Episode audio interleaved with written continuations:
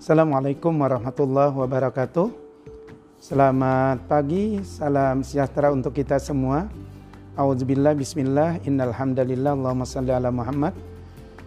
Kita bersyukur pada hari ini kembali bisa bertemu bersilaturahim sekaligus kita akan memulai perkuliahan di mata kuliah metodologi pembelajaran anak usia dini di mata kuliah ini mengantarkan kalian dalam memahami konsep-konsep yang berkenaan dengan uh, belajar dan pembelajaran, hakikat belajar dan pembelajaran, prinsip-prinsip pembelajaran, komponen-komponen pembelajaran, hakikat dan strategi pembelajaran, metode pembelajaran yang digunakan di pendidikan anak usia dini pada umumnya serta penerapannya dalam pembelajaran di jenjang pendidikan anak usia dini. Baik, hari ini kita akan mulai dengan uh, hakikat belajar dan pembelajaran. Belajar merupakan aktivitas mental untuk memperoleh perubahan perubahan apa? Perubahan tingkah laku yang positif melalui latihan atau pengalaman dan menyangkut aspek kepribadian.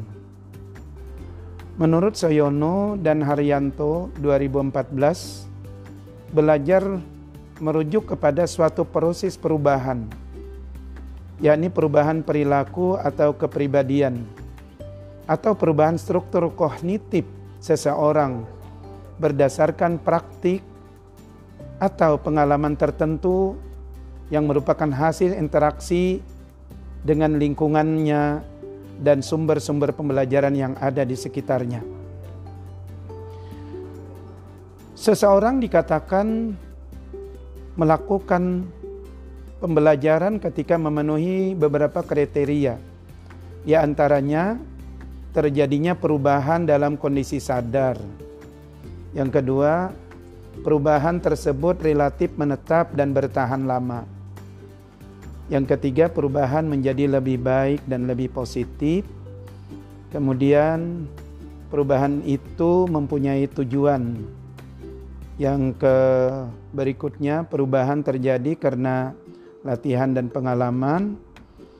Yang terakhir, seseorang dikatakan belajar ketika perubahan menyangkut pada semua aspek kepribadian.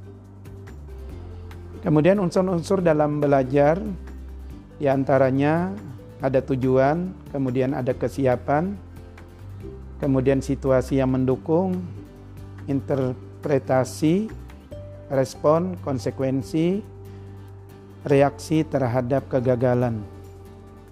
Adapun faktor yang mempengaruhi seseorang belajar ada dua, yakni faktor internal dan faktor eksternal. Barangkali itu uh, perkuliahan kita pada hari ini. Uh, sebelum kita akhiri, Bapak tetap uh, mengingatkan kita untuk selalu menjaga protokol kesehatan, uh, menjaga jangan sampai kehilangan kegembiraan, karena itu adalah imun yang paling baik. Jangan lupa berdoa dan beribadah sesuai dengan agama kita, karena itu yang menjadi spirit kita dalam hidup. Dan kita cukupkan pertemuan kita dengan ucapan hamdalah. Alhamdulillahirabbil alamin.